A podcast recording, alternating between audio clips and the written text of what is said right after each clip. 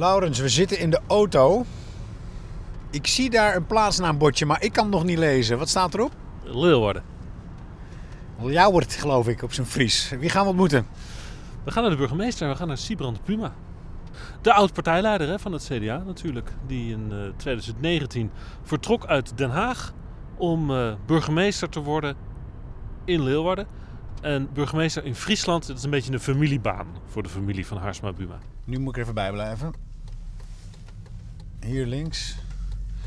Ik had nog even gecheckt zo eh, in de omgeving van, eh, van, van Buma eh, of er een ambtswoning is hier in Leeuwarden. Maar daar moest degene die ik belde, wethouder, hartelijk om lachen. Ambtswoning, haha, dat doen we niet aan in Leeuwarden. Nee, die zijn in bijna alle gemeentes al wegbezuinigd, de. Ja, misschien dan alleen in mijn Amsterdam. Mijn eigen opa is ook burgemeester geweest Oh. in Dinteloord in West-Brabant. Nou, Laurens. Die had nog een ambtswoning. Dat kan ik me nog herinneren. Dat is een, een, eh, enorm grote villa met een hele grote tuin eromheen. En ik ben daar als kleine jongen, was ik daar natuurlijk wel eens. En ik kan mij vooral herinneren dat, het, dat de gangen groot waren en lang en hoog. En Laurens was nog klein. Ik was nog klein, ja. Oké. Een hele zware rugzak om. Laurens ook. Ik met allemaal apparatuur. Het moet aan deze kant zijn. Wat zeg je? Het moet aan deze kant zijn. Oneven, even. Oké, ja. Hey, eh, nog heel kort. We lopen nu eh, naar... eh, wat zeg je? Staat je auto op slot? Auto's op slot. Maar we zitten nu, nou niet echt in de meeste grootste probleemwijk van Leeuwarden, denk ik. Grote huizen, twee kappers, rieten Rie- daar. Rietendaken, schitterend. Ja. hey, eh, Dylan Jezugus, dat was onze vorige. Wat zullen we daar nog kort over zeggen? Dat ik eigenlijk best tevreden was over het gesprek. Ja, ik ook. Ik was een. Ja, ze was heel. eh, eh, ze vertelde veel. Ja. Ehm, Iemand zei, "We- ik hoorde jullie twee langzaam steeds meer van haar gaan houden. oh ja, echt? Ja, en er zijn ook wel foto's die dat enigszins bevestigen. Nou, dan heeft ze ons misschien toch weer zitten inpakken. Oh jee, daar wilden we ons zo voor waken, hè? Ach ja, kijk, de- wat ik ook een hele interessante reactie vond, was iemand, eh, een PvdA, die appte mij, die zei van... eh, ehm, het is toch jammer dat de Ja. Partij van de Arbeid er niet in slaagt om dat soort mensen dan vast te houden. Dit is De Binnenkamer. Harmer van der Veen en Laurens Boven gaan op visite bij politici van toen en nu. Een bezoekje in het hoofd en hart van bevlogen bestuurders.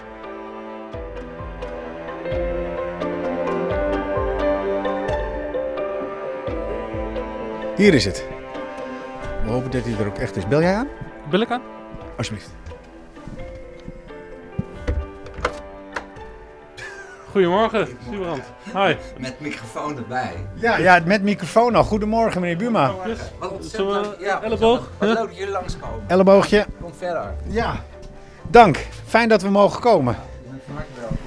In deze bijzondere tijden. Hou op joh. Hou op, ja, inderdaad.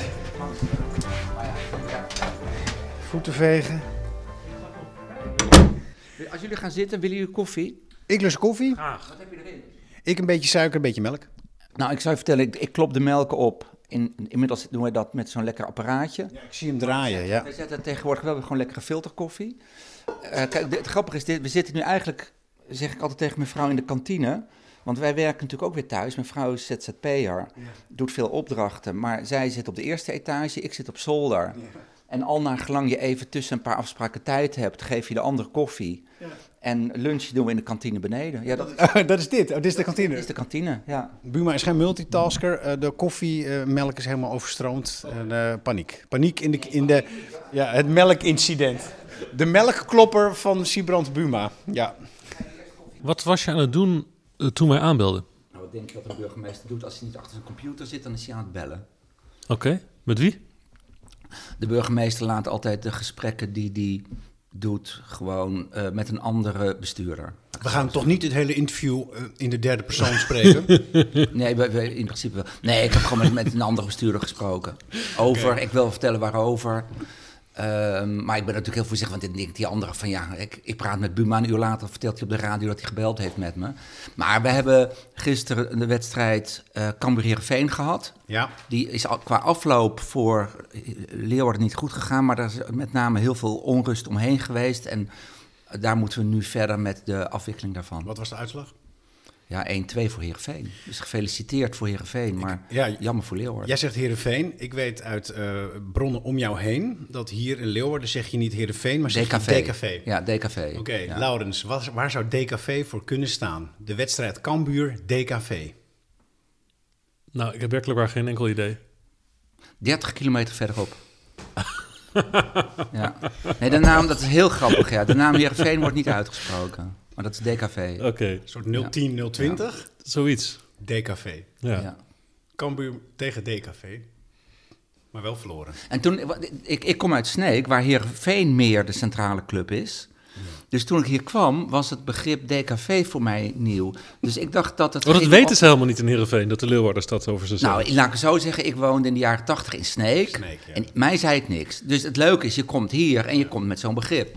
En ik dacht DKV, dat het om DKV, ging. Ja. Dus ik dacht dat er een F in was. En toen zag ik ineens, toen, ze dat, toen ik dat gehoord had, ik zei DKV, wat is dat? Nou, DKV, 30 kilometer verderop. En sindsdien is het natuurlijk ongelooflijk grappig. Ja. ja. Maar wel verloren. Maar wel verloren, ja. Ja, Het telefoontje ging daarover. Ging over, over ja wat we dus nu precies, wat is gebeurd, wat moeten we verder doen? Ja. Maar dan op veiligheid. Op, op, Ja. ja. Want, want, het, want die, dat Cambuur, eh, daar, zit, daar zitten jongens bij die zich crimineel gedragen. Dat lijkt mij voor een burgemeester eh, absoluut een taak waar hij zich mee moet bezighouden. Ja. En eigenlijk kan ik ook wel zeggen wie er belde. De minister van Justitie, omdat die, eh, en dat waardeer ik zeer, goed in de gaten houdt waar onrust is of dreigt. En dan of voorafgaand of na afloop belt, wat is er gedaan, wat is er gebeurd en leren we nog wat van. Oh. Dat was ook op 21 november, toen helde ik ook grote rellen. Ja.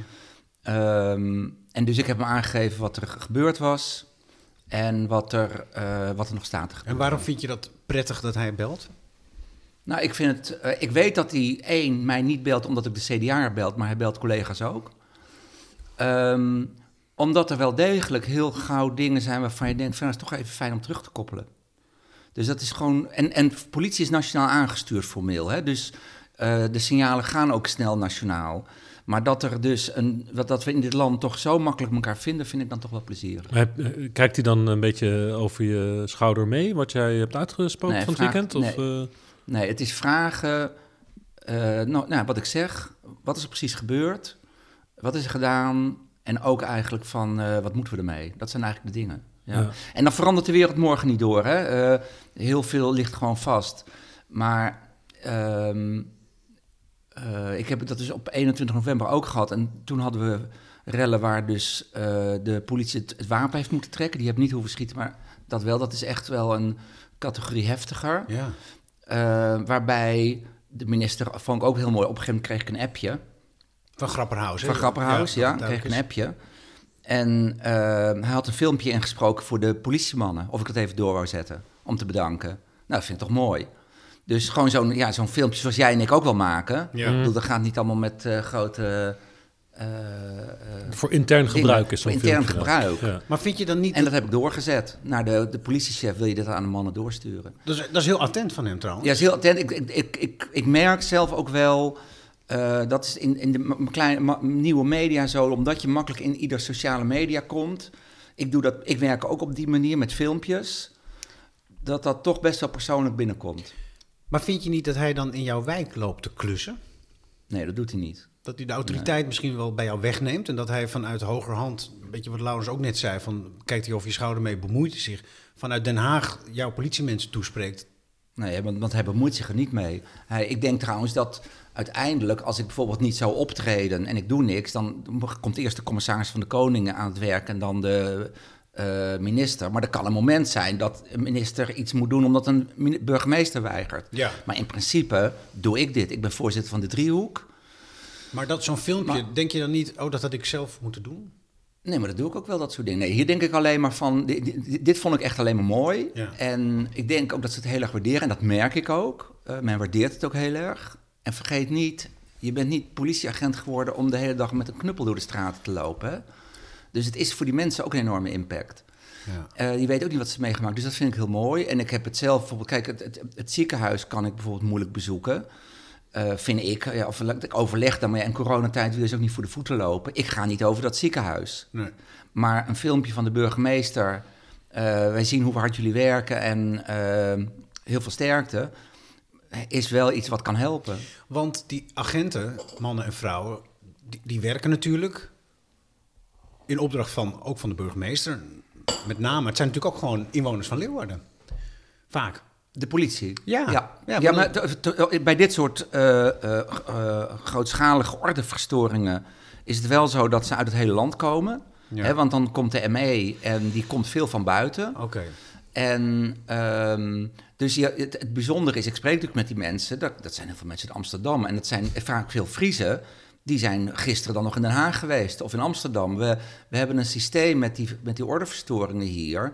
Waarbij het hele, de hele week, zeker in de weekends, politiemensen over het hele land bij moeten springen. Ja. Dus die stress van die rellen in Rotterdam, die zit ook in het korps eh, Leeuwarden. Die kan, ik heb niet iemand, ik geloof niet dat ik, ik of ja, ja, ik heb wel gesproken, volgens mij zijn er wel een aantal mensen naar Rotterdam ook geweest. De coronarellen bedoelen we, waar ook ook naar Amsterdam, omdat dat is. dichterbij is. Maar wat dat betreft zijn jullie gewoon grootstedelijk. Jullie hebben grootstedelijke problemen voor een relatief klein, kleine stad natuurlijk. Ja, ik denk, het is interessant, want dat klopt.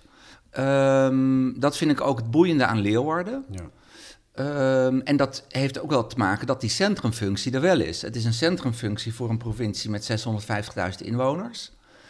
En dan krijg je dus ook alle problemen van de centrumstad. Ja. En het is ook eh, historisch best een arme stad. We hebben best wel veel sociale problemen. De sociale problemen die je in de grote steden in grotere schaal hebt, Ja.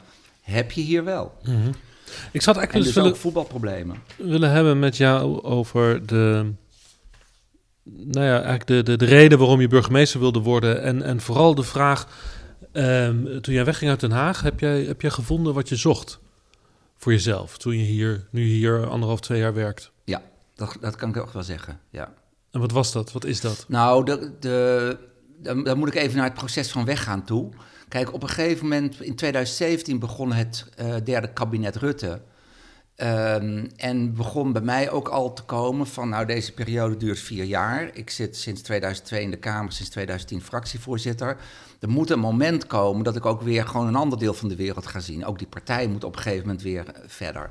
Dus ik had in mijn hoofd ergens, vermoedelijk uiterlijk bij de volgende verkiezingen, ga ik toch wel weg.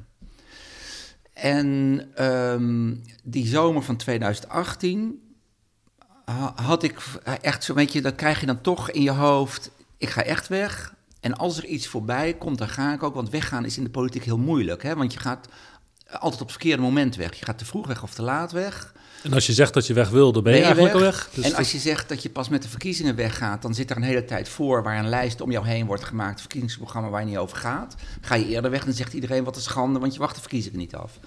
Dus het is heel ingewikkeld weggaan. En daarin heb ik, eh, ook met mijn vrouw, want we hadden, mijn vrouw had er ook langzamerhand wel eh, genoeg van de, van de stress die daarbij hoort. En de, de eeuwige aandacht die erbij hoort. En de druk eh, van, van alles wat je doet in een glazen kooi. Dat ik zei van nee, ik ga echt weg. En ik ga gewoon eens kijken of er dingen voorbij komen... waar ik ooit een keer van denk, dat vind ik anders. Maar uiterlijk, eh, verkiezingen 2021 ben ik weg. En eigenlijk de, niet zo lang daarna, want dit was zomer 2018 kwam ik erachter dat Vert Kronen wegging. Dat, had ik ook, dat heeft hij in november aangekondigd. En dat heb ik helemaal niet gezien. Maar volgens mij pas december, januari zag ik het ineens. En dan komt, gaan die raderen draaien. Want ik had het helemaal niet op een netvlies op dat moment. Maar mijn ouders leefden nog, die woonden in Leeuwarden. Eh, die werden echt ouder. En eh, ik had ook wel zoiets van, ik heb nooit tijd voor ze. En nu worden ze oud. Stel nu dat ik naar Leeuwarden ga... dan kan ik eens een keer ook iets voor hun doen... in die laatste jaren die ongetwijfeld allemaal minder gaan worden. Ze waren toen eh, halverwege de tachtig. Wat aardig om te doen. En ja, maar dat was echt wel in mijn hoofd. Omdat ik alleen maar... Je denkt politiek alleen maar abstract en groot, hè? En eh, ja, het was altijd... Als ik naar mijn ouders ging, was ik een dag op en neer. Dat, was, dat is nogal wat. Dat speelde heel erg mee. Ehm, Maar je had ook echt ik- behoefte om je ouders wat... Ja, Je wil echt voor ze gaan zorgen. Of die laatste... ik hield ermee rekening dat dat zou kunnen gebeuren. Dus dat was waarom Leeuwarden, niet, niet de reden om die baan te doen, maar ik geef aan, op een gegeven moment zei Vet Kroon, ik ging weg, ik ging weg. Toen dacht ik na, toen dacht ik, nou dat komt eigenlijk wel heel goed uit. Daarbij, Leeuwarden ken ik heel goed, ik ken het van vroeger. En toen dacht ik van ja, en dan twijfel ik nog. En toen dacht ik, en dan, ik, eigenlijk als ik nu niet schrijf, zou ik best wel eens mijn hele leven spijt kunnen krijgen. Ja, het ligt natuurlijk... eh, Ik moet nu schrijven. De, de, de brief. de brief. Ja.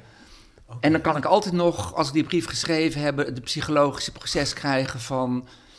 ehm nou, het is hem toch niet. Maar met jouw eh, eh, geschiedenis, jouw familiegeschiedenis, is het natuurlijk een no-brainer dat je burgemeester van Leeuwarden wil Ja, worden. als ik burgemeester word, is, eh, als, is het een no-brainer. Ja, dat Ja. wil zeggen, dat op dat moment was er ook een wisseling in Groningen en in Zwolle, in het noorden. En geen twijfel. Ja. Nee. Maar dat werd misschien ook een beetje van je verwacht door je vader, Nee, dat jij nee, burgemeester zou worden. Nee, Nee? dat had hij niet. Nee, kijk, dat bedoel, eh, natuurlijk vond hij dat, dat bleek, want dat is leuk. Toen het bekend werd, nou ja, dat vond hij echt geweldig. Mooier dan dat hele politieke. Vind je dat belangrijk, dat je vader dat... eh, Nee, vond ik vooral heel mooi. Vond ik heel, heel leuk. Mooi is ook heel belangrijk. mooi. En, en Maar het is in dit soort families toch een beetje zo dat, dat, er, dat er toch een, een familietraditie is waar de zoon en de zoon en de zoon eh, toch wel een beetje mee verwacht wordt van dat hij daarmee doorgaat. Ja, maar je moet het woord tradi- familietraditie en banen niet overschatten. Want uiteindelijk ben ik gewoon op een arbeidsmarkt actief waar ik mijn weg moet vinden. Dus het is, eh, en er zijn veel meer Buma's. Zo werkt het ook in Friesland eh, tegenwoordig? Doordat dat de meneer Buma dat gewoon een sollicitant is? Ja, zeker. Maar zeker. die- die brieven- Maar de, die, die eh, laat ik het zo zeggen, ja. En sterker nog, eh, mijn vader heeft nooit naar Leeuwarden gesolliciteerd. Want het, was, het is een rode stad, eigenlijk altijd nog. En eh, als niet-PVDA werd je hier geen burgemeester vroeger. En de tijd maakt dat men veel meer naar de persoon kijkt. En dan komt eh, in die sollicitatie, denk ik. Men zag natuurlijk ook wel dat het goed was om iemand te hebben die hele goede contacten in Den Haag heeft en Den Haag dichtbij brengt. Maar het is gewoon een sollicitatiegesprek geweest. Brief schrijven, gesprekken met de ehm, eh, vertrouwenscommissie. En in spanning afwachten wat het resultaat wordt. En je weet ook niet wie je tegenkandidaten waren? Nee. Dat is nog tot op de dag van vandaag geheim, als het goed is. Ja, en ik weet het ook niet. En daar zou best een PvdA tussen gezeten kunnen hebben. Maar reken maar. Ja, re- ja, precies. Ja. Ik begon deze vragen met de vraag of je gevonden hebt wat je zocht. Ja, ja, dus daar zei ik volgens mij ja op. Ehm, en ehm, dat is dus ook zo. eh, omdat ik het zo. Het, het doet mij ook meer dan ik dacht om terug te zijn in het gebied waar ik vandaan kom. Ehm, Wat, wat zocht je? nou ja, wat heb je zocht- gevonden? Laat ik zo zeggen, wat zocht ik? Is, moet, moet je niet te veel psychologiseren. Want één, ik wou wat anders. Ik, ik voelde dat het in Den Haag gebeurd was. En wilde eh, daar weg. Ik zocht een baan met net zoveel uitdaging. Maar ik vond het helemaal niet erg om wat in de luwte van de media te komen. Dus gewoon wat meer bij de mensen. En wat ik gevonden heb, is dat. Plus een, een baan waar je ook echt wel dichter bij mensen bent. Politiek is abstract. Je spreekt heel veel mensen, eh, je- je- heel veel werkbezoeken. Maar dan ga je bijvoorbeeld naar Leeuwarden. Een dag later ben je weer in Den Haag. Een dag later ga je naar Limburg, ben je weer in Den Haag. Hier doe ik ook werkbezoeken. En die mensen kom ik de hele tijd weer tegen. Ja. Dus je betekent iets voor mensen. Maar ben, ben je nou een ander soort, eh, soort man? eh, in de zin van dat als je een fractievoorzitter, een, een politicus bent die de hele tijd dealt met, met Rutte op het hoogste bestuurlijk niveau. Of wanneer je een, een, een man bent met een, met, een, met een ketting, een ambt. Keten, Ja. keten. Ja, het verschil is, er zijn twee dingen denk ik die anders zijn. Je, eh, wat je niet moet onderschatten is wat het met je persoonlijk betekent dat de hele dag waar je rondloopt, iedere zin die je uitspreekt, die avond het nieuws kan halen. Dat is Den Haag. Dat is Den Haag. Zodra je je kamer uitloopt, Ja. ben je Kom je ervan mij bewust. tegen? Kom je jou tegen, maar dat is nog te doen. Maar er zijn er honderden. Ja, Iedereen kom je tegen. En van alles moet je een mening hebben. Wat vaak niet zo is, want ik heb het ook druk. Ehm, maar de, wat, wat mensen dan zeggen, waarom zeg je dan niet gewoon, ik heb het eh, niet bekeken? Nou, die zin op tv maakt helemaal dat mensen zeggen, die politici weten van niks. Dus daar moet je heel voorzichtig mee zijn. En de, de druk dus de hele tijd om je heen in een, in een constellatie waar ook weinig structuur in zit. Hè? Want politiek is weinig gestructureerd. Dus volgens, mij, volgens mij heb ik politici wel eens omschreven in, in, een van mijn eh, podcasts bij BNR als, een, als, als eh, overwerkte, gestreste typetjes die gewoon eigenlijk ook niet meer weten waar voor een eind is. Nou, dat is wel heel erg alles in één heel eh, eh, vage zin. Maar ik kom, een aantal dingen kan ik meekomen. De stress is wel enorm. En dat komt ook omdat je afgerekend wordt vaak op iets wat je niet kan beïnvloeden. Dus um, um, um, de peiling, hè, dat kan, ik, kan je op zondag zeggen, daar kijk ik niet naar. Maar je omgeving wel. En er kan iets gebeuren. Nou, denk nu aan een coronacrisis. Die bepaalt totaal hoe mensen naar politiek kijken. Daar kan je niks aan doen, maar er wordt wel iedere dag van jou gevraagd... één, er een mening over te hebben, twee, er een antwoord op te hebben... en drie, uit te leggen. Bij mij was dat altijd, waarom sta je zo laag in de peilingen? En als de verkiezingen dan weer meevielen, ja, dat zijn de verkiezingen. Maar en dat maakt dus wel een stress die altijd zeurend op de achtergrond is. Het tweede is dat in politiek zeker in, in de Tweede Kamerpolitiek, voor een grotere partij die ook nog een verantwoordelijkheid draagt om iets te doen. Want er zit natuurlijk een heel groot verschil tussen in de politiek zitten en heel hard roepen dat het anders moet, of in de constellatie die, die met uh, ja, voor zijn tegens compromissen moet gaan maken. Dat zijn twee werelden. En ik zat natuurlijk vaak in die tweede wereld. Nou, hier is het zo, jij noemde het ambt. Dat maakt ook, dat is het tweede wat een heel groot verschil maakt. Politiek is extreem persoonlijk. Buma, want vaak, u, u, bent toch Buma en dan weten ze vaak de partij er niet bij. Uh, de mooiste is trouwens dat ze beide niet wist dat ik ergens werd aangesproken. U bent toch meneer van, die meneer van D66, meneer van Acht. Weet je, dat was wel heel, heel grappig hoor. Dus dat, dat, gaat maar, lekker. maar hier ben je ook zonder je ambtsketen echt de burgemeester. En ook in Leeuwarden is, is, is een stad van 100.000 inwoners. En iedereen kent natuurlijk mijn kop nog van de politiek. Ja. Maar ze zeggen, goedemorgen burgemeester. En dan praat er dus een ambt waardoor je minder persoonlijk de hele tijd wordt aangepakt. Dat wordt ook wel anders hoor. Ik had dus gisteren. Meneer Van Acht, ik wil toch nog een tussenvraag stellen. Ja, doe jij dat maar. Sorry, Buma was het. Je zei de hele tijd, en ook jouw vrouw heeft dat beaamd, daarom zijn jullie naar hier, de stress, de eeuwige aandacht en de glazen kooi. Ja. En ook volgens mij, dat lijkt mij een heel groot probleem van Den Haag, waar jij natuurlijk ook heel veel geweest bent, die soort van beklemmende tango tussen de rol van de politicus Mhm. en de journalist. Dus dat, dat als, wat, wat je zei, als je het antwoord geeft, ik weet het even niet, Ja. dat wordt eigenlijk niet geaccepteerd. Ja. Dan geef je een, om, een, een, een antwoord met heel veel woorden, waaruit de journalist eigenlijk laat blijken, kan concluderen en de kijker, hij weet het niet. Ja. En dan krijg je het verwijt, hij kletskous me wat. Ja. Precies. En, en degene die het dus het kortst en bondigst kan zeggen, is degene die de kritiek op heeft. Ja. Ja. En daarom is, uh, ik zie het nu op tv, uh, rond corona, de kritiek op maatregelen veel groter dan de uitleg van de maatregelen zelf. Omdat die gewoon veel makkelijker aan te geven is dan weer uh, uitleggen waarom het toch echt nodig is Ja. om A of B te doen. Maar dat is dus die, die beklemmende dansgrip die je op elkaar hebt. Op het moment dat je dus je deur open doet van, de, van je werkkamer Ja. in de Tweede Kamer. Dus, je- dus je, je stapt in een soort, in een, soort een, een, een niet welwillende, onaangename wereld eigenlijk. Waarin nou, jullie tweeën, jullie waren in Den Haag dan tot elkaar eigenlijk uitgeleverd, heb ik wel eens het idee. Een soort van miscommunicatie continu hebben. Of niet? Nou, het, woord onaangenaam, het is niet het woord onaangenaam, want het is gewoon de wereld. Maar onwelwillend. Een soort van... Het wordt bijna dat- niet meer geaccepteerd dat een politicus een kamerdeur open doet en zegt: Jongens, ik weet het gewoon even Ja, niet. maar toch, toch zit er daar net een verschil in, want het is niet een wereld voor onwelwillenden, want uiteindelijk is de basis eh, toch wel, en dan kijk ik Laurens ook een beetje aan, de, men weet van elkaar dat dit zo is. Er is niet een onwelwillende Nee. houding, er is alleen, er zijn verschillende belangen. Die zit in een wereld waarin de journalist een ander belang hebt dan jij. Want de journalist wil een antwoord waarvan hij vaak wel weet dat je het niet gaat geven. En ik kan het vaak niet geven, omdat we halverwege een proces zijn. En de bestuurder, Ja. Ja. ik kan veel makkelijker zeggen... wat ik heel- sorry, het proces maakt, daar kan ik zo over Ja, en de bestuurder is nu de burgemeester. Ja. Dus, ja. Wat ik heel interessant vond, wat je net zei, is dat het heel persoonlijk is, hè? Ja. De, de Haagse politiek. Eh, ook tegenover ministers dus in feite. Want de Ja. ministers zijn ook een ambt, maar dat is dan een beetje anders dan de burgemeester. Eh, Hugo de Jonge wordt veel persoonlijker natuurlijk benaderd. Dat is niet de, de minister, maar dat is Hugo de Jonge. Ehm, en dat, dat, dat is een probleem. Zoals je dat zei net, toch? Dat de, de, Nou, het is wel, het maakt het voor je persoonlijk veel harder. Toen ik, ehm, ik, ik heb heel lang in Den Haag gewerkt. In 1994 kwam ik daar als medewerker van de CDA-fractie. En ik wil, eh, natuurlijk is het heerlijk om te zeggen, vroeger was alles beter.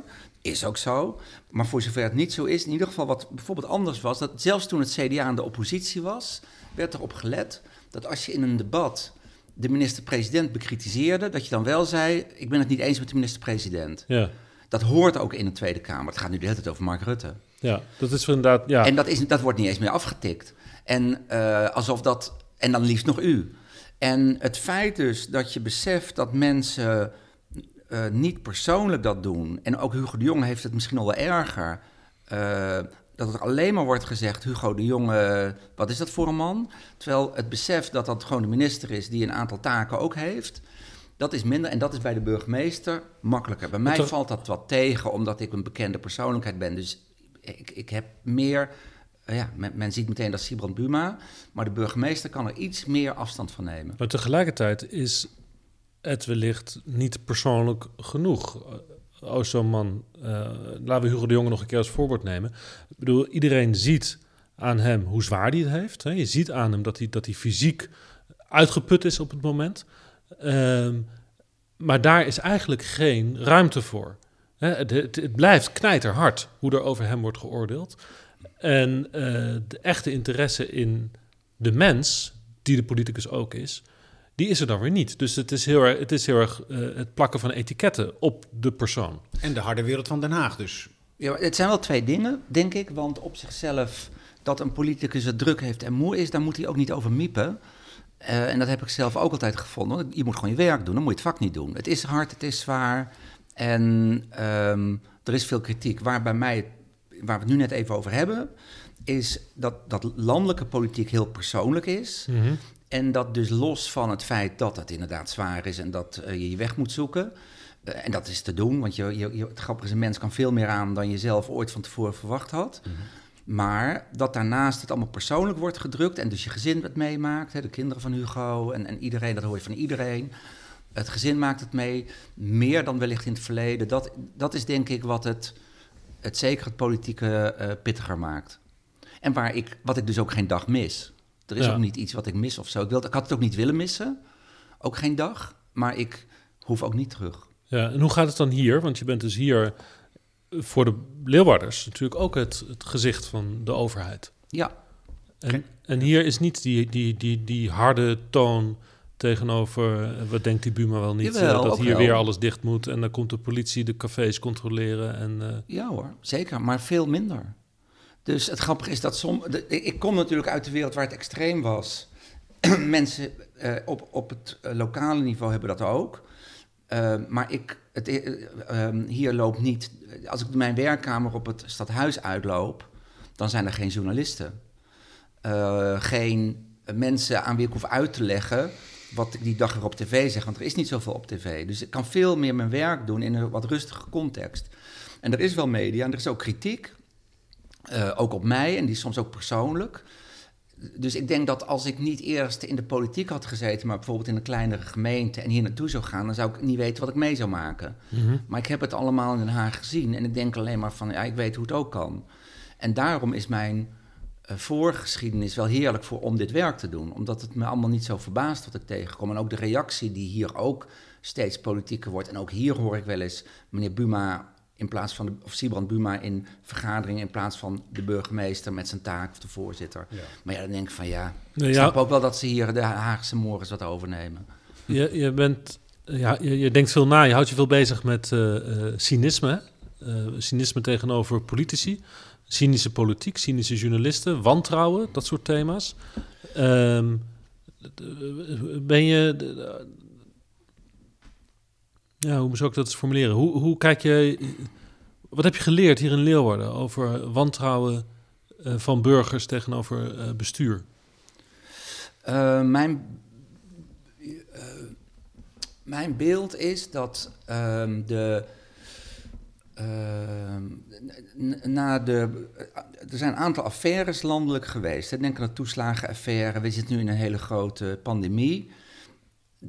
Die heeft gemaakt dat het vertrouwen in de overheid daalt. En voor een deel denk ik ook wel weer, uh, wordt dat ook wel weer groot gemaakt. Hè? Want, want de, de, moet zeggen, wat ik net aangaf, door het heel persoonlijk te maken, wordt de kritiek ook groter. Dat gaat ook één op één hier naartoe. Um, dus het, het, het, wantrouwen wat er is, waar je vroeger nog zoiets had, die overheid, het is ook van ons. Um, is nu wij tegen de overheid veel sterker. En dat zie je hier ook. En ik merk het zelf, wat ik ook wel interessant vind, in het, aantal WOP-verzoeken. Op een gegeven moment had ik, en dan, dan even Leeuwarden niveau, hè. Ik praat met uh, de organiserend comité voor de Sinterklaasoptocht. Dat gaat natuurlijk hier over Zwarte Piet of niet. Twee dagen later een WOP-verzoek. Wat heb je in dat overleg gedaan? Waardoor wel een heel ambtelijk apparaat aan het werk moet... om dit juridisch allemaal goed te doen Omdat als je een fout maakt, je weer een soort niet willende overheid Wie doet dan bent. dat WOP-verzoek? Een journalist in dit geval. Wet En je de- je denkt niet- van bestuur. Ja. En je denkt dan niet, de, ik bel de journalist even op van, van hé, wat is het nou? Waarom bel je me niet gewoon even?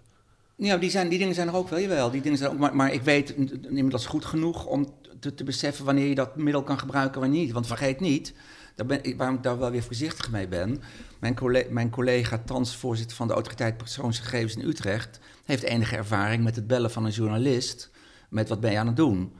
En ik vind dat een Wacht journalist... wat bedoel je nou precies? Weet je dat niet meer? Eh Aleid Wolfsen heeft een journalist gebeld eh, met allemaal vragen over wat hij aan het doen was. Ja. Ik wil niet zeggen dat mijn Van een niveau zeer hetzelfde lokale is. kleine krant, geloof ik. Geloof ik wel. Ja. Dus je moet er heel erg mee... En ik weet niet wat daar de Nee. substantie was. Maar wat ik wil zeggen is dat ik weet dat op zichzelf een journalist gewoon zijn werk doet. Mhm. En als hij een WOP-verzoek doet, doet hij een WOP-verzoek. En dat vind ik op zichzelf ook niet erg. Wat ik aan wil geven, is dat ik me afvraag of vijf jaar geleden de WOP zou zijn gebruikt.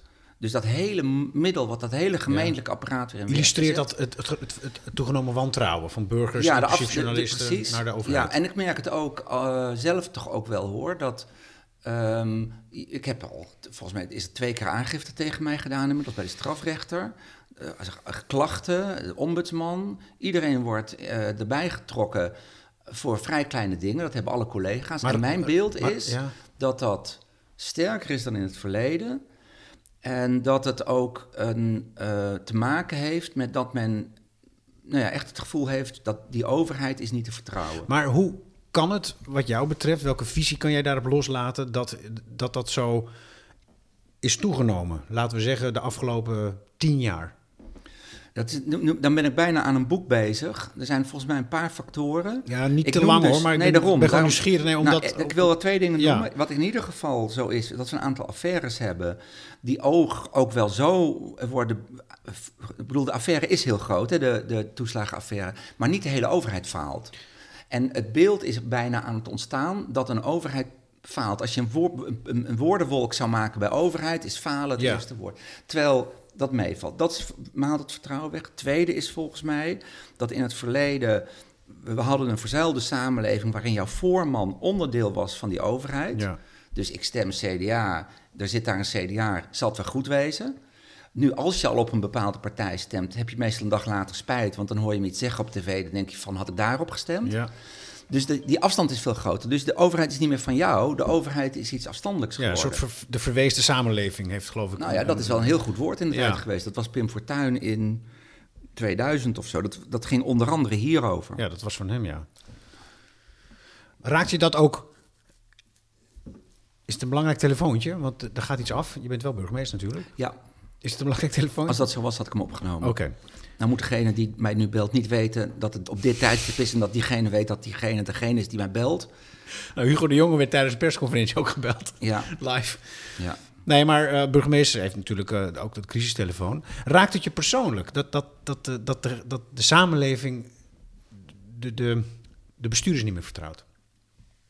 Ja, zeker. En, en ook wel, ik moet zeggen, ook wel diep. Omdat het een heel ingewikkeld proces is. eh, wat niet zomaar om te draaien is, bij wijze van spreken. Eh, dus dat, vind, dat bezoek persoonlijk in de zin van persoonlijk hoe ik in het bestuur zit, Ja. raakt mij dat. En je zei ook diep. Hoe, hoe Ja. diep? Hoe kan je dat verwoorden? Nou, dat ik het heel treurig vind dat wij eh, een democratisch land zijn wat eh, een diep geworteld gevoel heeft van democratie, meepraten en een bestuur dus wat een onderdeel is van ons. Namelijk, wij hebben ze neergezet. Ja. En waar je ook, dat merk ik als politicus en bestuurder, echt met de beste wil van de wereld het goede probeert te doen. En als dat voortdurend niet aankomt, dan is er een soort kortsluiting die, eh, die structureel is en heel groot. En dat raakt mij. En raakt het je ook als, als, als mens, als persoon? Nou ja, al, kijk, het, het, een van de dingen die ik wel geleerd heb, is een beetje te onderscheiden tussen mens eh, die, maar even zo te zeggen, zijn familiegeschiedenis in het archief zit door te vlooien en wat eigen dingen doet. En wat uiteindelijk de wereld is waarin ik in zit. Dus ik, Nou, ik blijf wel ik- overeind. Want, want anders dan, je moet ook altijd een beetje zorgen dat je overeind blijft. Misschien kan ik een voorbeeld geven, want ik, ik ben al vrij lang eh, eh, journalist. En ehm, ik herken dit wel een beetje wat jij zegt, omdat ik er namelijk vanuit ga dat er vertrouwen is bij mijn Ja. publiek over mijn werk. Ja, dat ik oprecht probeer ehm, journalistieke ehm, eh, verhalen te maken. En ik merk nu, dat wordt versterkt nu ook door corona, dat ik kom mensen tegen die mij gewoon ten principale wantrouwen. Ja. Ja, want ik ben namelijk onderdeel van het criminele systeem eh, van, van de overheid en, en nou ja, allerlei complotten. En dat zeggen soms ook vrienden die dat ook zeggen. En, en ik hoor soms kritiek van vrienden van mij op de media. En ik neem dat wel persoonlijk, want ik denk dan van ja, maar ik ben de media. En mijn Nee, dit- intenties zijn goed. En dus als jij dit zegt over de media, over de journalisten, zeg je dat ook over mij en zeg je dat ook over mij persoonlijk. En je wantrouwt dus mij als mens. De- de- de- wa- ik denk alleen dat degene die eh, dat wantrouwen hebben, ehm, moet zeggen, één, zullen zeggen, maar zo bedoel ik het helemaal niet. Als je het bespreekt. En twee, ehm, is de manier om het zo, zo te bespreken in mijn gevoel, geval niet behulpzaam. Want ik merk dat het niet zomaar te bestrijden is, omdat het zo diep zit, dat wantrouwen ook. En dat wantrouwen is nou, onder andere gevoed door de, hè, de crisis die we hebben galandelijk hebben gehad. Maar ook, moet ik zeggen, door de manier waarop wat we bijvoorbeeld bij die kindertoeslag hebben, wordt geprojecteerd op de overheid. En het tegengeluid tegen die overheid wel heel massief wordt. Maar Ja. je bent niet persoonlijk beledigd. Nee.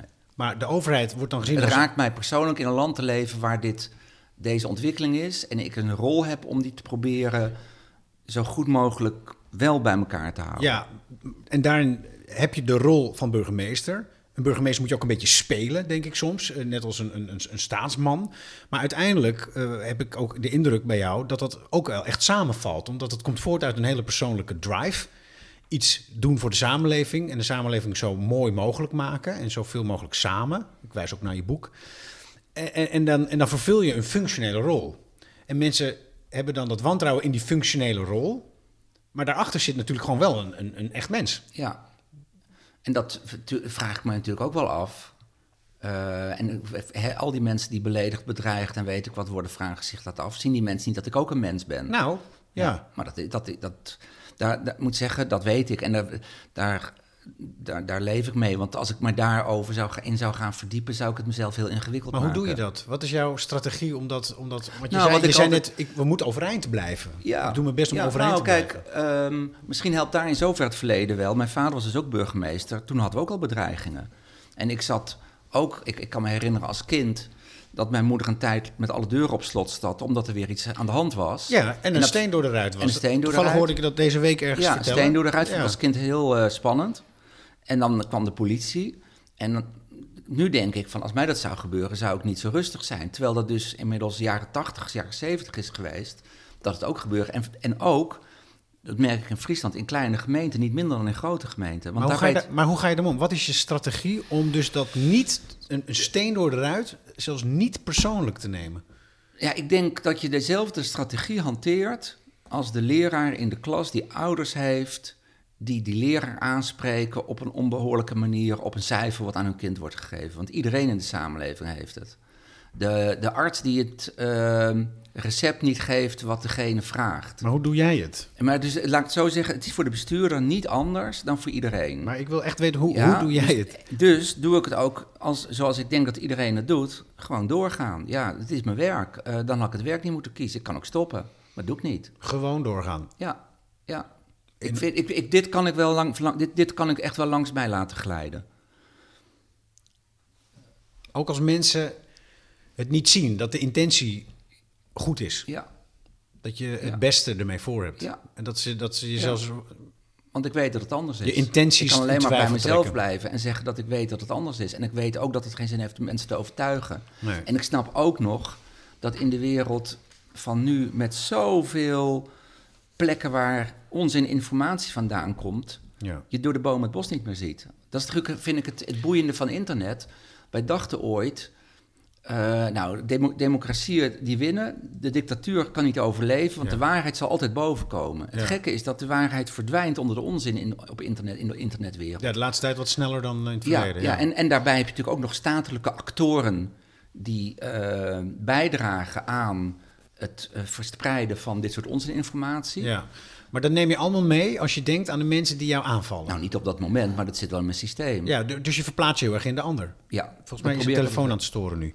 Maar je, je- Dat dus- probeer ik wel. Dus je verplaatst je in de ander. Zelfs in degene die jou aanvallen en op je integriteit eh, ja, probeer aanvallen. ik altijd wel. Ja. Dus ik probeer ook, bij mensen spreken me natuurlijk ook wel aan, dan probeer ik altijd te beginnen met, met eh, van, maar hoe, hè, dan beginnen ze los te lopen en leeg. Ja. Maar hoe heet u? Eh, waar, woont u hier? Eh, wat doet u? En dan, dat breekt ook wel het ijs, want dat verwacht men niet. Maar dan kan het soms eindigen in een gewoon gesprek, maar het kan ook zijn dat dat niet zo is. Maar het zijn wel mensen. Het zijn mensen die waarschijnlijk gewoon thuis, eh, zonder als je hier niet over praat, heel normaal eh, functioneren. Maar dan gaat er toch ergens iets mis. Je noemde net het woord democratie. Er gaat dus ergens iets mis in, in hoe ehm, zeg maar de frustratie en de woede en de problemen van, van burgers, in ieder geval vanuit het perspectief van die burgers, niet terechtkomt bij, bij de bestuurders.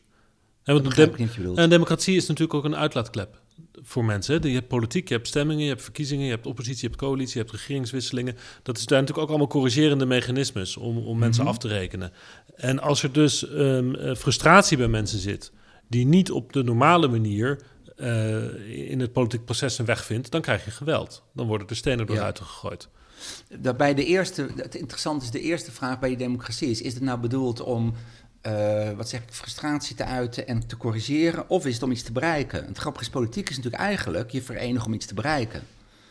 Ehm, en ehm, daar maak je je sterk voor, daar verbind je je voor en dan vervolgens probeer je dat ook te bereiken. Het wordt inderdaad steeds meer, nou wie zit nu in Den Haag? Het is allemaal niks, dus we stemmen op de ander.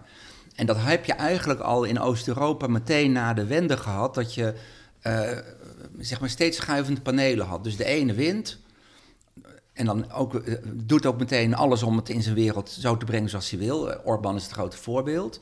Dan komt straks de tegenpartij, dan komt er weer een afrekening. Dat is wat je daar ziet. En we hebben natuurlijk altijd veel meer een systeem gehad, wat ik zei, van een politiek proces waar we onderdeel van zijn. Nou, dat zie je minder worden.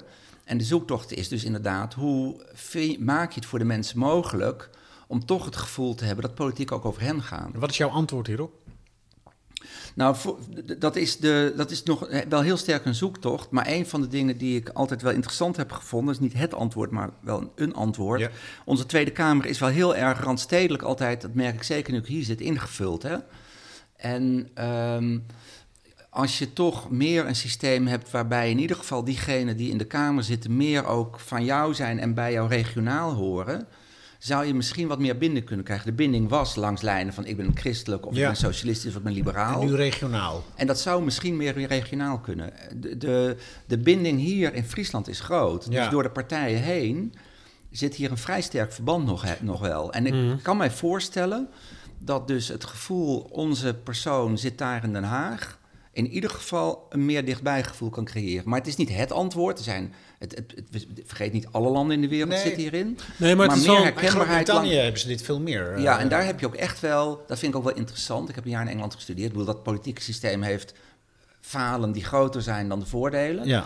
Maar our MP gaat wel door de partijen heen. Want als je eenmaal gekozen bent voor jouw district, dan is jouw District. taak, iedereen voor mijn district kan bij mij Dus terechtkomen. een vorm van districtenstelsel Ja, zou, jij, zou je wel voor je zien in Duitsland een Nederland? wat meer gemengd stelsel. Ja.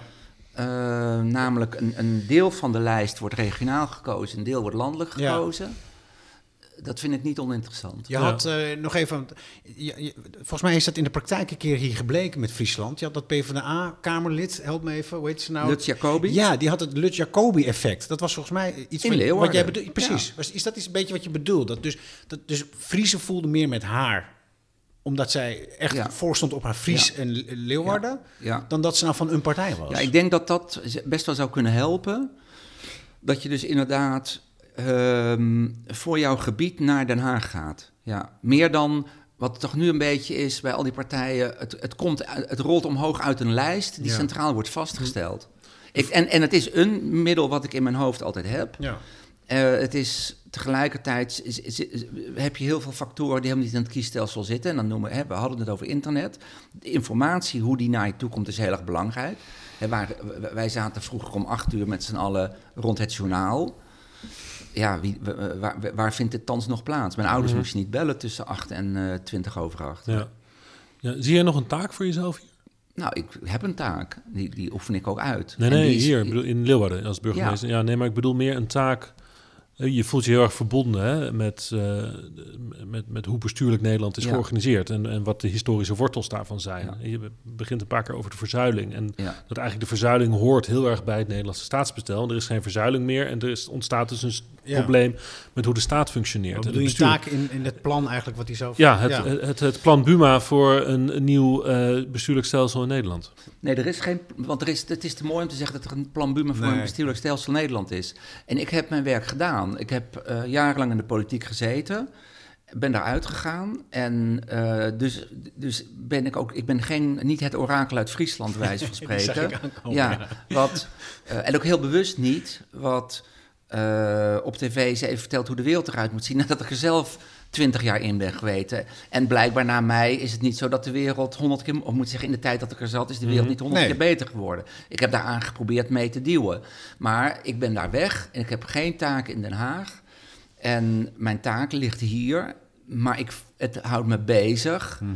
Dus ik blijf altijd wel nadenken over wat ik in de wereld zie. Maar wij vragen het hier in deze podcast. En, en, en ik denk dat Laurens ook wel, en ik ook, af en toe nu meteen denkt van... zie jij ook een, een taak dan weggelegd voor dit, dit nieuwe idee, dit denken... om dat vanuit hier naar Den Haag Nee, nou, uit te stralen, te vertellen? nee, nee. Want die, want Daar zeg heb- sterk nee. Daar zeg je, ik hoor het ja. Ja. Want, je, want je hebt wel een interessante positie nu, toch als burgervader, burgemeester. Eh, nou, iemand die dus ook eh, erover nadenkt en al langer. Je maar- zegt het nu in deze podcast, het lijkt me toch een mooi... een- ja, het- het- je lijkt me geknipt voor de zaak, we Ja, ik zou je zeggen waarom niet. Ja, Eén is dus, ik ben weggegaan. Dan had ik moeten blijven. ja oké. En ik vind dat te veel mensen weggaan en dan ineens het verhaal vertellen. En liefst in Den Haag hoe het eigenlijk allemaal anders had gemoeten. Wat in de jaren daarvoor niet is gebeurd. Maar ik ben weggegaan. Maar het is natuurlijk groter dan Den Haag. Hè? Nee, ja, nou ja, dit is, dit is, Den Haag zou hierover moeten gaan. Nee, maar En dat jij is een als beetje burgemeester. tegen, het cynisme-verhaal. Het zou moeten gaan over het grote verhaal. Ja, maar jij, maar jij, woont, jij bent burgemeester van Leeuwarden en je zei net, bij Leeuwarden horen nog 35 dorpen. Ja, Die dorpen hadden vroeger allemaal hun eigen burgemeester. Grofweg. Nee. Nou, niet allemaal, nee, maar dat is te mooi, ja. ja. er waren er vroeger veel meer, laten we het zo zeggen. Laten we zo zeggen, wat het ook was, er stond een Buma aan het hoofd. Voor elke neef was een baan. Ja, Ja, ja. maar eh, die afstand tussen bestuurder en, en burger is natuurlijk ook lokaal heel groot. Hè, die, die, die, eh, die 35 dorpen, eh, die horen nu bij Leeuwarden, terwijl Ja. ze vroeger zichzelf Ja. bestuurden. ja. En, ehm, eh, dus je zou hier natuurlijk wel degelijk iets kunnen doen. Ja, in die zin. Kijk, ik, ik, want ik wou er namelijk naartoe. Ik ben nu gewoon bewust burgemeester van Leeuwarden. Dus ik, dat, is mijn taak. Dat, dat- ik, ik, ik, ik ging een procedure door waarin ze vroeg wat betekent hier voor Leeuwarden. Niet, geef je nog een beetje commentaar op Den Haag de komende jaren. De vraag is wat ik hier kan doen. Ja. En eh, daar moet ik wel zeggen, is ehm, wel al heel veel gedaan. Want terecht zeg jij, er is natuurlijk nu nog maar één gemeenteraad voor een heel groot gebied. En het waren vier verschillende gemeenten. Maar wat men al gedaan heeft bij het tot stand komen van die gemeente Leeuwarden, is dat eh, overal dorpspanels, dorpsraden zijn die eigen budget hebben. Ja. Dat hadden ze grappig genoeg niet in die oude gemeentes vaak. Dus eigenlijk hebben ze misschien als dorp nog wel meer te zeggen. Wethouders die zijn toegewezen aan dorpen, daar ook echt naartoe gaan en de mensen horen, waardoor de eh, bestuurlijke band met die dorpen er echt wel is. Dus een soort mini-regionalisme.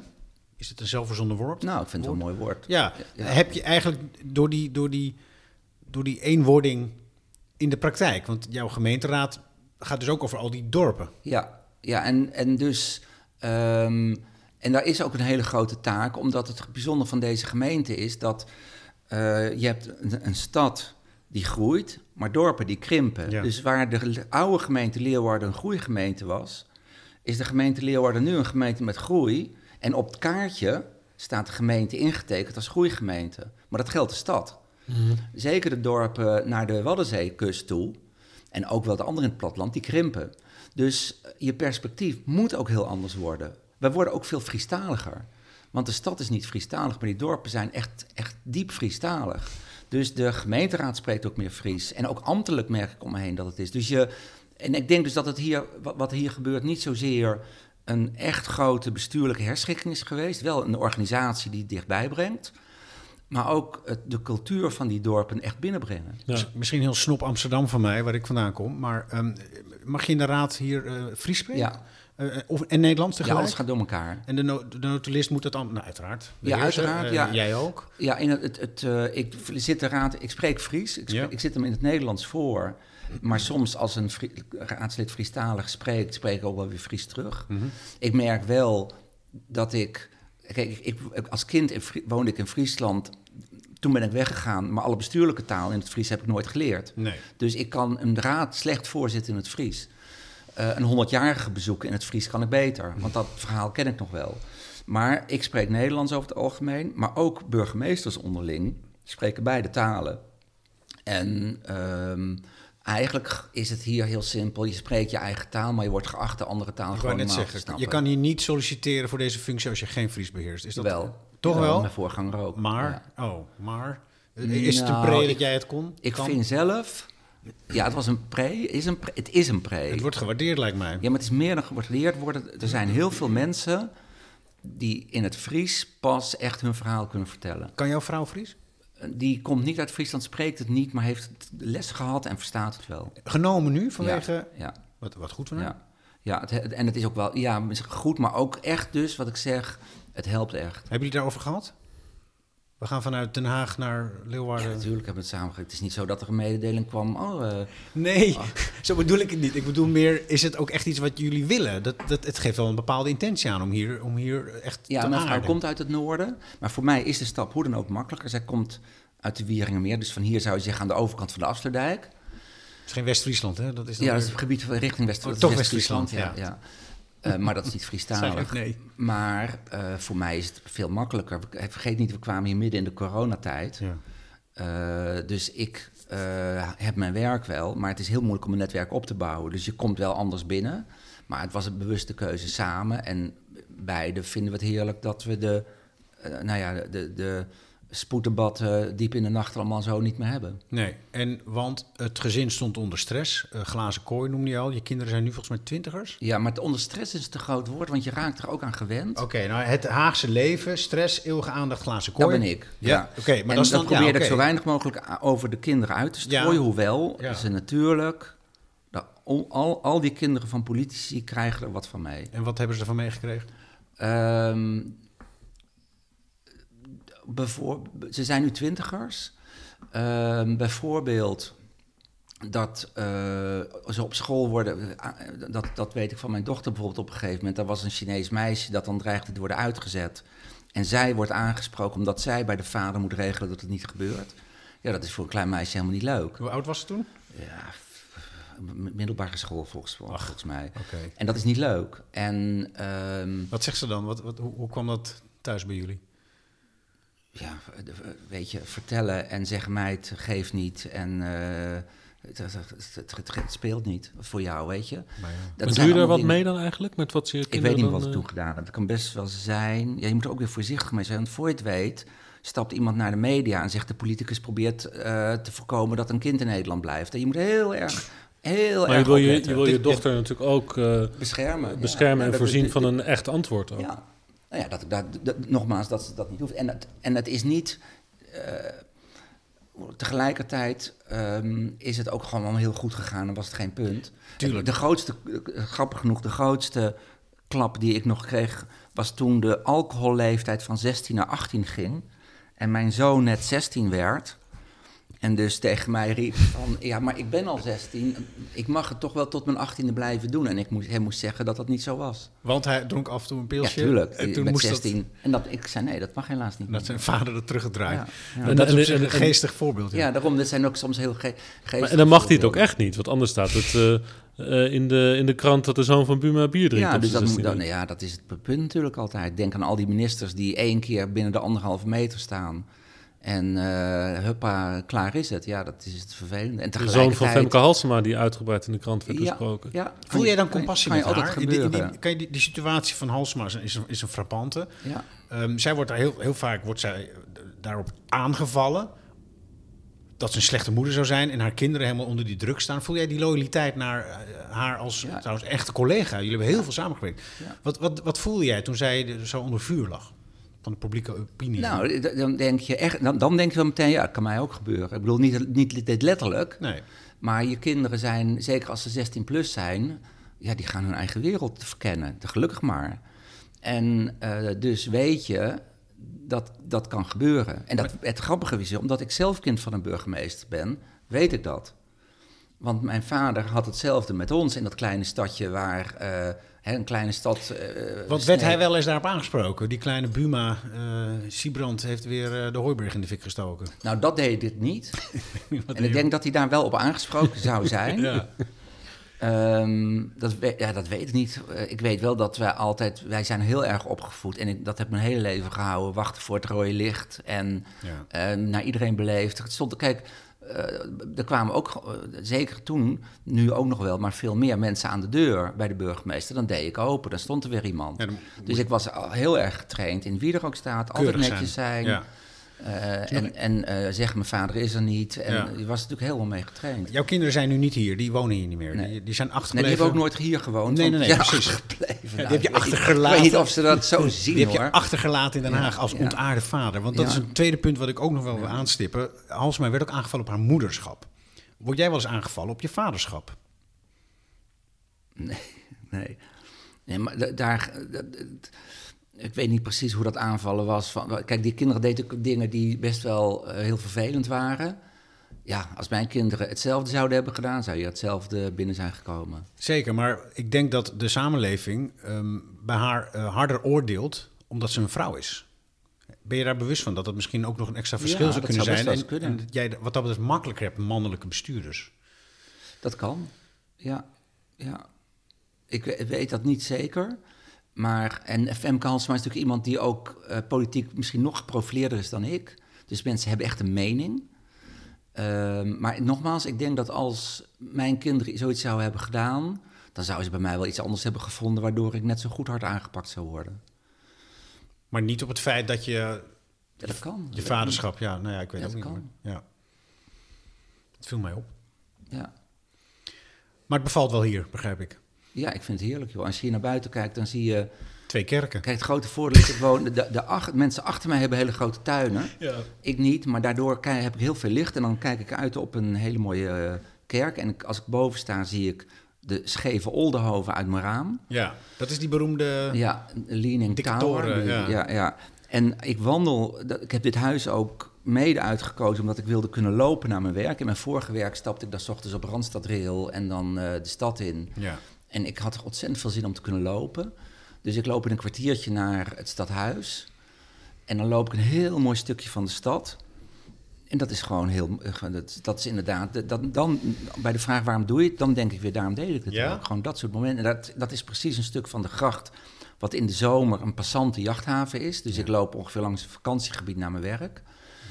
En dan kan je je werk ook wel weer aan. En dan geniet je echt. Dan- ja, echt. Maar dat heb ik wel heel veel hier hoor. Ook. ehm, Dan is Den Haag ver weg. In je hoofd. Eh, ja, ja. Nou, wel, redelijk ver weg, ja. Ja, ja dat, is, dat, dat, dat, kan- dat is iets te makkelijk, omdat het in werkelijkheid altijd wel eh, blijft. Den Haag is nooit ver weg. Nee, maar ehm, ik zit echt in een andere wereld en probeer dat dus ook. ook. Ook dat is een van de redenen waarom ik mij landelijk niet zo mee bezig hou. Ik wil mijn werk hier gewoon goed doen. Ja. En er is genoeg te doen. En je moet hier ook echt zijn, je hoofd erbij houden. Hier in het Vriezen, in het Ja, en dan ben ik ook voorzitter van de veiligheidsregio, wat in, eh, in coronatijd echt een, een taak er gewoon naast is. Ja. Het is dat vind ik. ik moet- Nou, inderdaad, zeg, je kwam hier binnen eh, en je moest eh, noodverordeningen uitschrijven. ja. Ja, en Ja, ik heb gehoord, snel, uit zeer, uit zeer betrouwbare bron heb ik gehoord dat jij binnenkwam in dat grip 4, denk ik. ja, dat is een woord wat ik ook eigenlijk niet kende, moet ik nee, eerlijk en je kwam binnen en je zei, wat is mijn rol? Dat je dat soort van op tafel legde. wel, ja. dat, dat Ja. zei de voorzitter, de directeur. Directeur waarschijnlijk Ja, die dan, heb ik gebeld. ja. En die Ja. zei dat, dat hij dat mooi vond. Buma kwam binnen, eigenlijk nog maar net burgemeester. En hij was heel kwetsbaar, of kwetsbaar. Nou, hij zei het gewoon. Jongens, wat is mijn rol? Ja.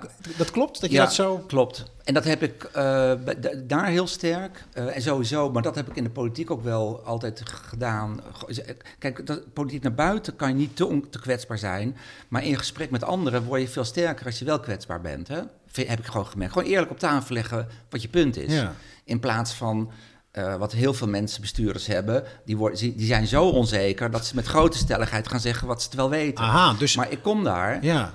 en niemand kan van mij verwachten dat ik dat hele grip 4 ken. Nee, en dat je binnen een half jaar burgemeester bent die dat allemaal snapt. Ja, dus ik ben daar inderdaad wel naartoe gegaan. Wat is mijn rol? Ook omdat ik in een wereld kom met echt deskundigen. Dat geldt ook als er. Hè, ik ben voorzitter van de driehoek, hè, van de veiligheidsdriehoek.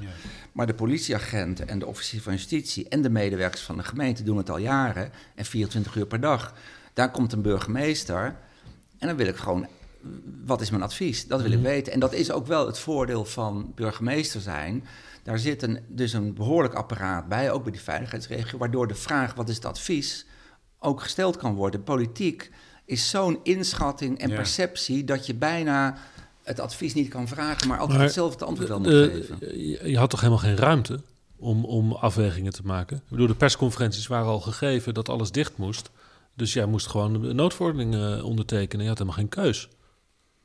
Nou, dat is bijna, maar niet helemaal. Want het gekke is dat de verordeningen kwamen uit Den Haag, maar je hebt de mogelijkheid om bijvoorbeeld een aantal lokale invullingen te doen, die net verschil kunnen maken. En hier, ik noem maar een voorbeeld. In het begin, het lijkt alweer heel lang geleden, ehm, dan gingen alle hotels dicht. Maar dan is bijvoorbeeld de vraag, gaan eh, vakantiehuisjes ook dicht? Nou, hier heb je een grote recreatiesector en de zomer kwam eraan. Dus je hebt best wel sectoren. Eh, groepsaccommodaties zijn heel erg groot. Met bijvoorbeeld dingen als eh, zeilscholen. Hoe pakt daar de twee personen? Is dat op een kamer of andere dingen? Dus dingen die heel klein lijken, worden groot. En daar heb je best wel mogelijkheden in. Ook in het afsluiten van hè, wat we toen wel moesten doen. We moesten parken afsluiten. En dat moest in de grip 4 ging dat door de hele provincie heen. Eh, dus interessant is dat vragen die heel erg bij dit gebied horen, heel erg spelen. Denk aan de Waddeneilanden en de veerboten er naartoe. Als daar nog maar een derde op kan, maakt nogal wat uit. Ja. En, en hoe was het dan voor jou? eh, Ik bedoel, die mannen die dat allemaal deden in Den Haag. En, vrou- en vrouwen. Oh, waren er ook vrouwen bij? Ja, toch? Ik heb bij de persconferenties vooral mannen gezien eigenlijk. Oh, Ja, oké. oké. Nee, goed. Ehm, dat waren je directe collega's. Ja. Dat waren je politieke, Ja. voor zover je vrienden hebt in de politiek. Ja. Eh, Grapperhaus, De Jonge, partijgenoten, Hoekstra. Hè, dat zijn allemaal eh, je directe collega's.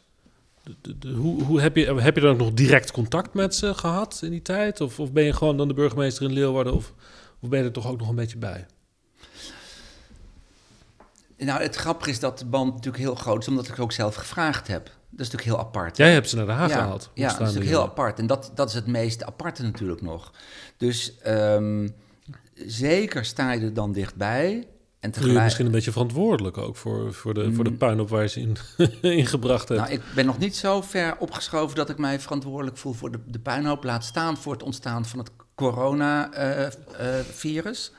maar ehm, zeg, kijk, het is dubbel. Ik ken hen, maar zij kennen mij. Dus zij weten ook wanneer je me kan bellen om een advies te krijgen waar je wat aan hebt, wijze van spreken. En dat helpt gewoon. Je weet van elkaar. Dat is altijd zo. Als je van elkaar weet wat je aan, aan elkaar hebt, dan kom je verder. Tegelijkertijd sluit ik gewoon ook weer aan in de rij van burgemeesters, waarbij de grote vier veel makkelijker binnenkomen dan een minister, bij minister dan Leeuwarden. En dat is ook logisch. Dus het is niet zo dat je eh, extreem anders wordt behandeld. Maar ik geloof zeker dat mijn plek hier helpt om makkelijk door te dringen. En ook bijvoorbeeld te kunnen zeggen: ja, weet je, dit is echt een probleem. Hè? Eh, even niet op het een of het ander, maar in heel Nederland maken we dit mee. En dat vind ik wel waardevol. Ja. Wat natuurlijk bij een nieuw kabinet weer anders is. Dat is natuurlijk heel grappig. Want voor mij heeft de komst van een nieuw kabinet dus als grote consequentie dat er geen ministers in zitten die door mij gevraagd zijn. Nou ja, de, de, de jong, weten nog niet helemaal zeker of de jongen doorgaat, toch? Of Nee, maar is weet je al meer? Dat, dat, dat weet ik niet, maar dan is hij niet door mij gevraagd. Maar daar neemt- Nee, Dan is oké. hij niet in die nieuwe Ja, functie. Maar daarmee neemt jouw effectiviteit en eh, rendement voor de Leeuwarden misschien wel ietsje af. Ja, dat denk ik voor, voor iedereen, dat, dat, eh, dat, is, dat zal beperkt zijn. Maar het is zeker waar dat een aantal telefoontjes in mijn mobieltje, ook Europees merk ik dat Ja. al, mensen die vervangen worden. Die worden niet meer opgenomen. Ja. Dus moet je Esther de Lange. gewoon je werk doen als ehm, eh, burgemeester en je netwerk op orde houden. Waar het netwerk dus door mij meegenomen Ja. werd, moet ik het nu zelf op orde houden voor een deel. Ja. Oké, daar krijg je de tijd voor. Maar stel dat je nog een tweede termijn of gewoon derde termijn... en misschien is dit wel je echte eindbestemming, behalve lotbestemming... dat je steeds verder, echt verder van Den Haag af komt te staan. Ja, dus moet je voortdurend eh, zorgen dat je daar blijft komen. Ja. En, en wat ik nu bijvoorbeeld wel doe, maar dat is niet zozeer om het netwerk, maar dat kan, doen mensen wel. Ik ben voorzitter van één landelijke commissie die houdt zich bezig met erfgoed en de bescherming daarvan. Ehm, voor een burgemeester is het heel wezenlijk om een aantal dingen naast je functie te doen. Ja. Die maken dat je eh, aangehaakt blijft bij Den Haag. En dat geldt voor mij ook. Dus Den Haag trekt altijd die, die, die, die, die, die strengen, die, die zijn er en die moet je zelf onderhouden ook. Ja, en zeker voor een gemeente die wat verder ook. van Den Haag Ja. ligt, moet je er zelf naartoe. Als je nou, je begon, eerder in het gesprek zei je van dat je nooit echt helemaal het juiste moment kan vinden van eh, weggaan hè, Ja. uit Den Haag. Dat het moeilijk was van, nou, je hebt het nu gedaan zoals je het hebt gedaan. Ja. Als je nu kijkt naar eh, hoe het met het CDA, met jouw partij, waar je leiding aan gaf, eh, bijna tien jaar lang, hoe het daarmee mee gaat. Ehm, heb je dan nog steeds het gevoel, het was de juiste manier eh, hoe ik ben weggegaan? Ja, zeker. Want ik weg, weet je, eh, ehm, weggaan moet je op een gegeven moment. Als er iemand weggaat, is er altijd een soort eh vacuüm, machtsvacuüm. Ehm, en ehm, ik zou dat niet hebben kunnen oplossen door op een ander moment weg te gaan, want dan zou hetzelfde vacuüm zijn ontstaan. Dus ik, ik heb niet het gevoel dat een ander tijdstip van vertrek iets had veranderd. En, Mhm. dat, dat, dat, en, en twee is, daarna heb je het ook niet meer in de hand. Dus je moet je er ook niet meer mee bemoeien. Wat dus voor, ik, ik heb echt wel eh, veel eh, meegemaakt van voorgangers die mij nog gingen vertellen wat ik moest doen. Maar je had dat- ook kunnen zeggen toen je wegging eh, en, en hier is mijn opvolger, dan wel Hugo de Jonge, dan wel Wopke Koekstra. Dan was het gewoon duidelijk geweest. Ja, maar niet heel democratisch. Nee. En ook niet, dat was ook niet gebeurd, want ik ging weg. Dus ik kan moeilijk zeggen, ik had dat kunnen zeggen. Nou, de laatste die dat zei was volgens mij Ruud Lubbers. Nou, dat werd geen succes, dat deed hij niet goed. Dus een overstap, een politieke overstap is altijd heel ingewikkeld. En nu is hij ook dubbel ingewikkeld geweest met de hele eh, zaak rond Pieter Omtzigt eromheen. Die een nieuwe soort, eh, moet zeggen, een nieuw hoofdstuk aan dat hele verhaal toevoegde. Mhm. Ja, dat zijn allemaal dingen die je, die je ook weer niet van tevoren in de hand hebt. Ja, en je keek niet naar peilingen. Ehm, Ja, ik keek wel naar peilingen. Dat, dat moet ik wel acht zetels, hè? Is het nu zeven, acht zetels? Oké, maar ik keek nu, nu niet meer sinds ik weg ben. Kijk, Ik heb het, eh, het, het kiezersonderzoek nog eens even op nageslagen, Ja? wat gepubliceerd is vorige maand over de eh, afgelopen verkiezingen. ja, Eh, de mediane leeftijd van de CDA-kiezers, overigens ook van de Partij van de Arbeid-kiezers, PvdA en CDA zijn ongeveer even oud qua kiezerspopulatie. Rondom de 63. Mhm. De mediane leeftijd. Hè? Dus Ja. de helft van de kiezers Ja. is ouder dan 63. Dus de- dat is natuurlijk een drama voor zo'n partij als het CDA. Tegelijkertijd zijn dit cijfers die ik ook al kende. Eh, dus ik, dat zijn allemaal opdrachten voor de komende eh, jaren. Maar dat zijn nou typisch de opdrachten waarvan ik zeg ik heb ze overgegeven. En ik ga niet meer tot mijn opdracht maken om te denken dat ik weet hoe we met deze vragen omgaan. Want de, de ene partij heeft te veel oude kiezers, de andere stemmen wel op een partij, maar ze geven nu aan, ik ben jong en ik stem op die partij, maar daar weten we één ding vandaan. En van de volgende verkiezing is het weer een andere partij. Dus is dat denk je zo wisselvallig? eh, Ja. Dat het, nou, kijk eh, naar Forum voor Democratie. ja. Dat, was de, dat is in de Staten nog steeds de grootste partij. Behalve Ja. dan dat hij niet meer bestaat in de Staten, omdat hij versplinterd is. Maar de, de, de- dus dat, dat, dit zijn typisch de vragen waar ik van vind dat ik me ermee bezig moet houden in de politiek. En tegelijkertijd buiten de politiek daar eh, bu- buiten moet blijven. Waarbij de laatste verkiezingen ook nog verkiezingen zijn waar we hebben verloren. Eh, Grappig genoeg Jan-Peter Balkenende. Ik weet dat nog, want ik kwam net in de Kamer. eh, was de grootste onder jongeren, terwijl we daarvoor ook een oudere partij waren. Dus het, Ja. het, het, het fluctueert. Maar het is, eh, de, de, de vergrijzing gaat in onze partij, maar in alle zusterpartijen in Europa. En dat heeft te maken met een andere samenleving. Ja, Ja, maar als de christendemocratie dus geen, geen verhaal, met, niet met een nieuw verhaal komt, dan is de beweging over eh 15, 20 jaar gewoon uitgestorven. Nou ja, de hele, dit is precies het punt van de hele politiek. Je noemt de PvdA, maar ehm, D66 heeft in, toen ik in de Tweede Kamer kwam, 2000, nou, toen is het 2006 op nul zetels gestaan. Iedereen zei, ah, D66 is voorbij. Eh, het is even leuk geweest, komt nooit meer terug.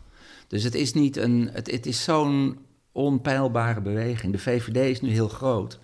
Vergeet niet, Mark Rutte gaat een keer weg, dan verandert dat ook weer. Dus de, het, het is voor mij veel meer dat je met die fluctuatie bezig moet houden, die heel eh, eh, fors is. Die opdracht zit heel groot ook in het CDA. En daar zeg ik van, die opdracht had ik toen ik leider was van het CDA. Die opdracht geef ik over. En eh, hoe men daar tegenaan kijkt, hoe men daarmee omgaat, is voor mijn opvolgers. En jouw opdracht nu is burgervader van alle burgers hier in Leeuwarden. Ja, Ongeacht Ook dat welke nog. politieke kleur. ook dat nog. Ja.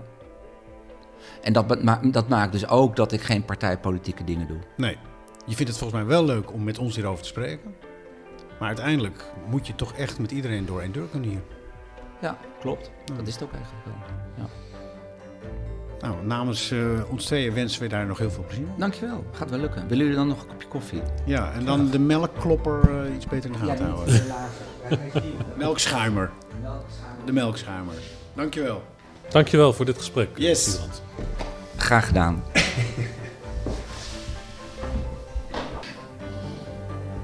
Nou, we hebben lang gepraat, zeg. Lang gesprek was dit, zeg.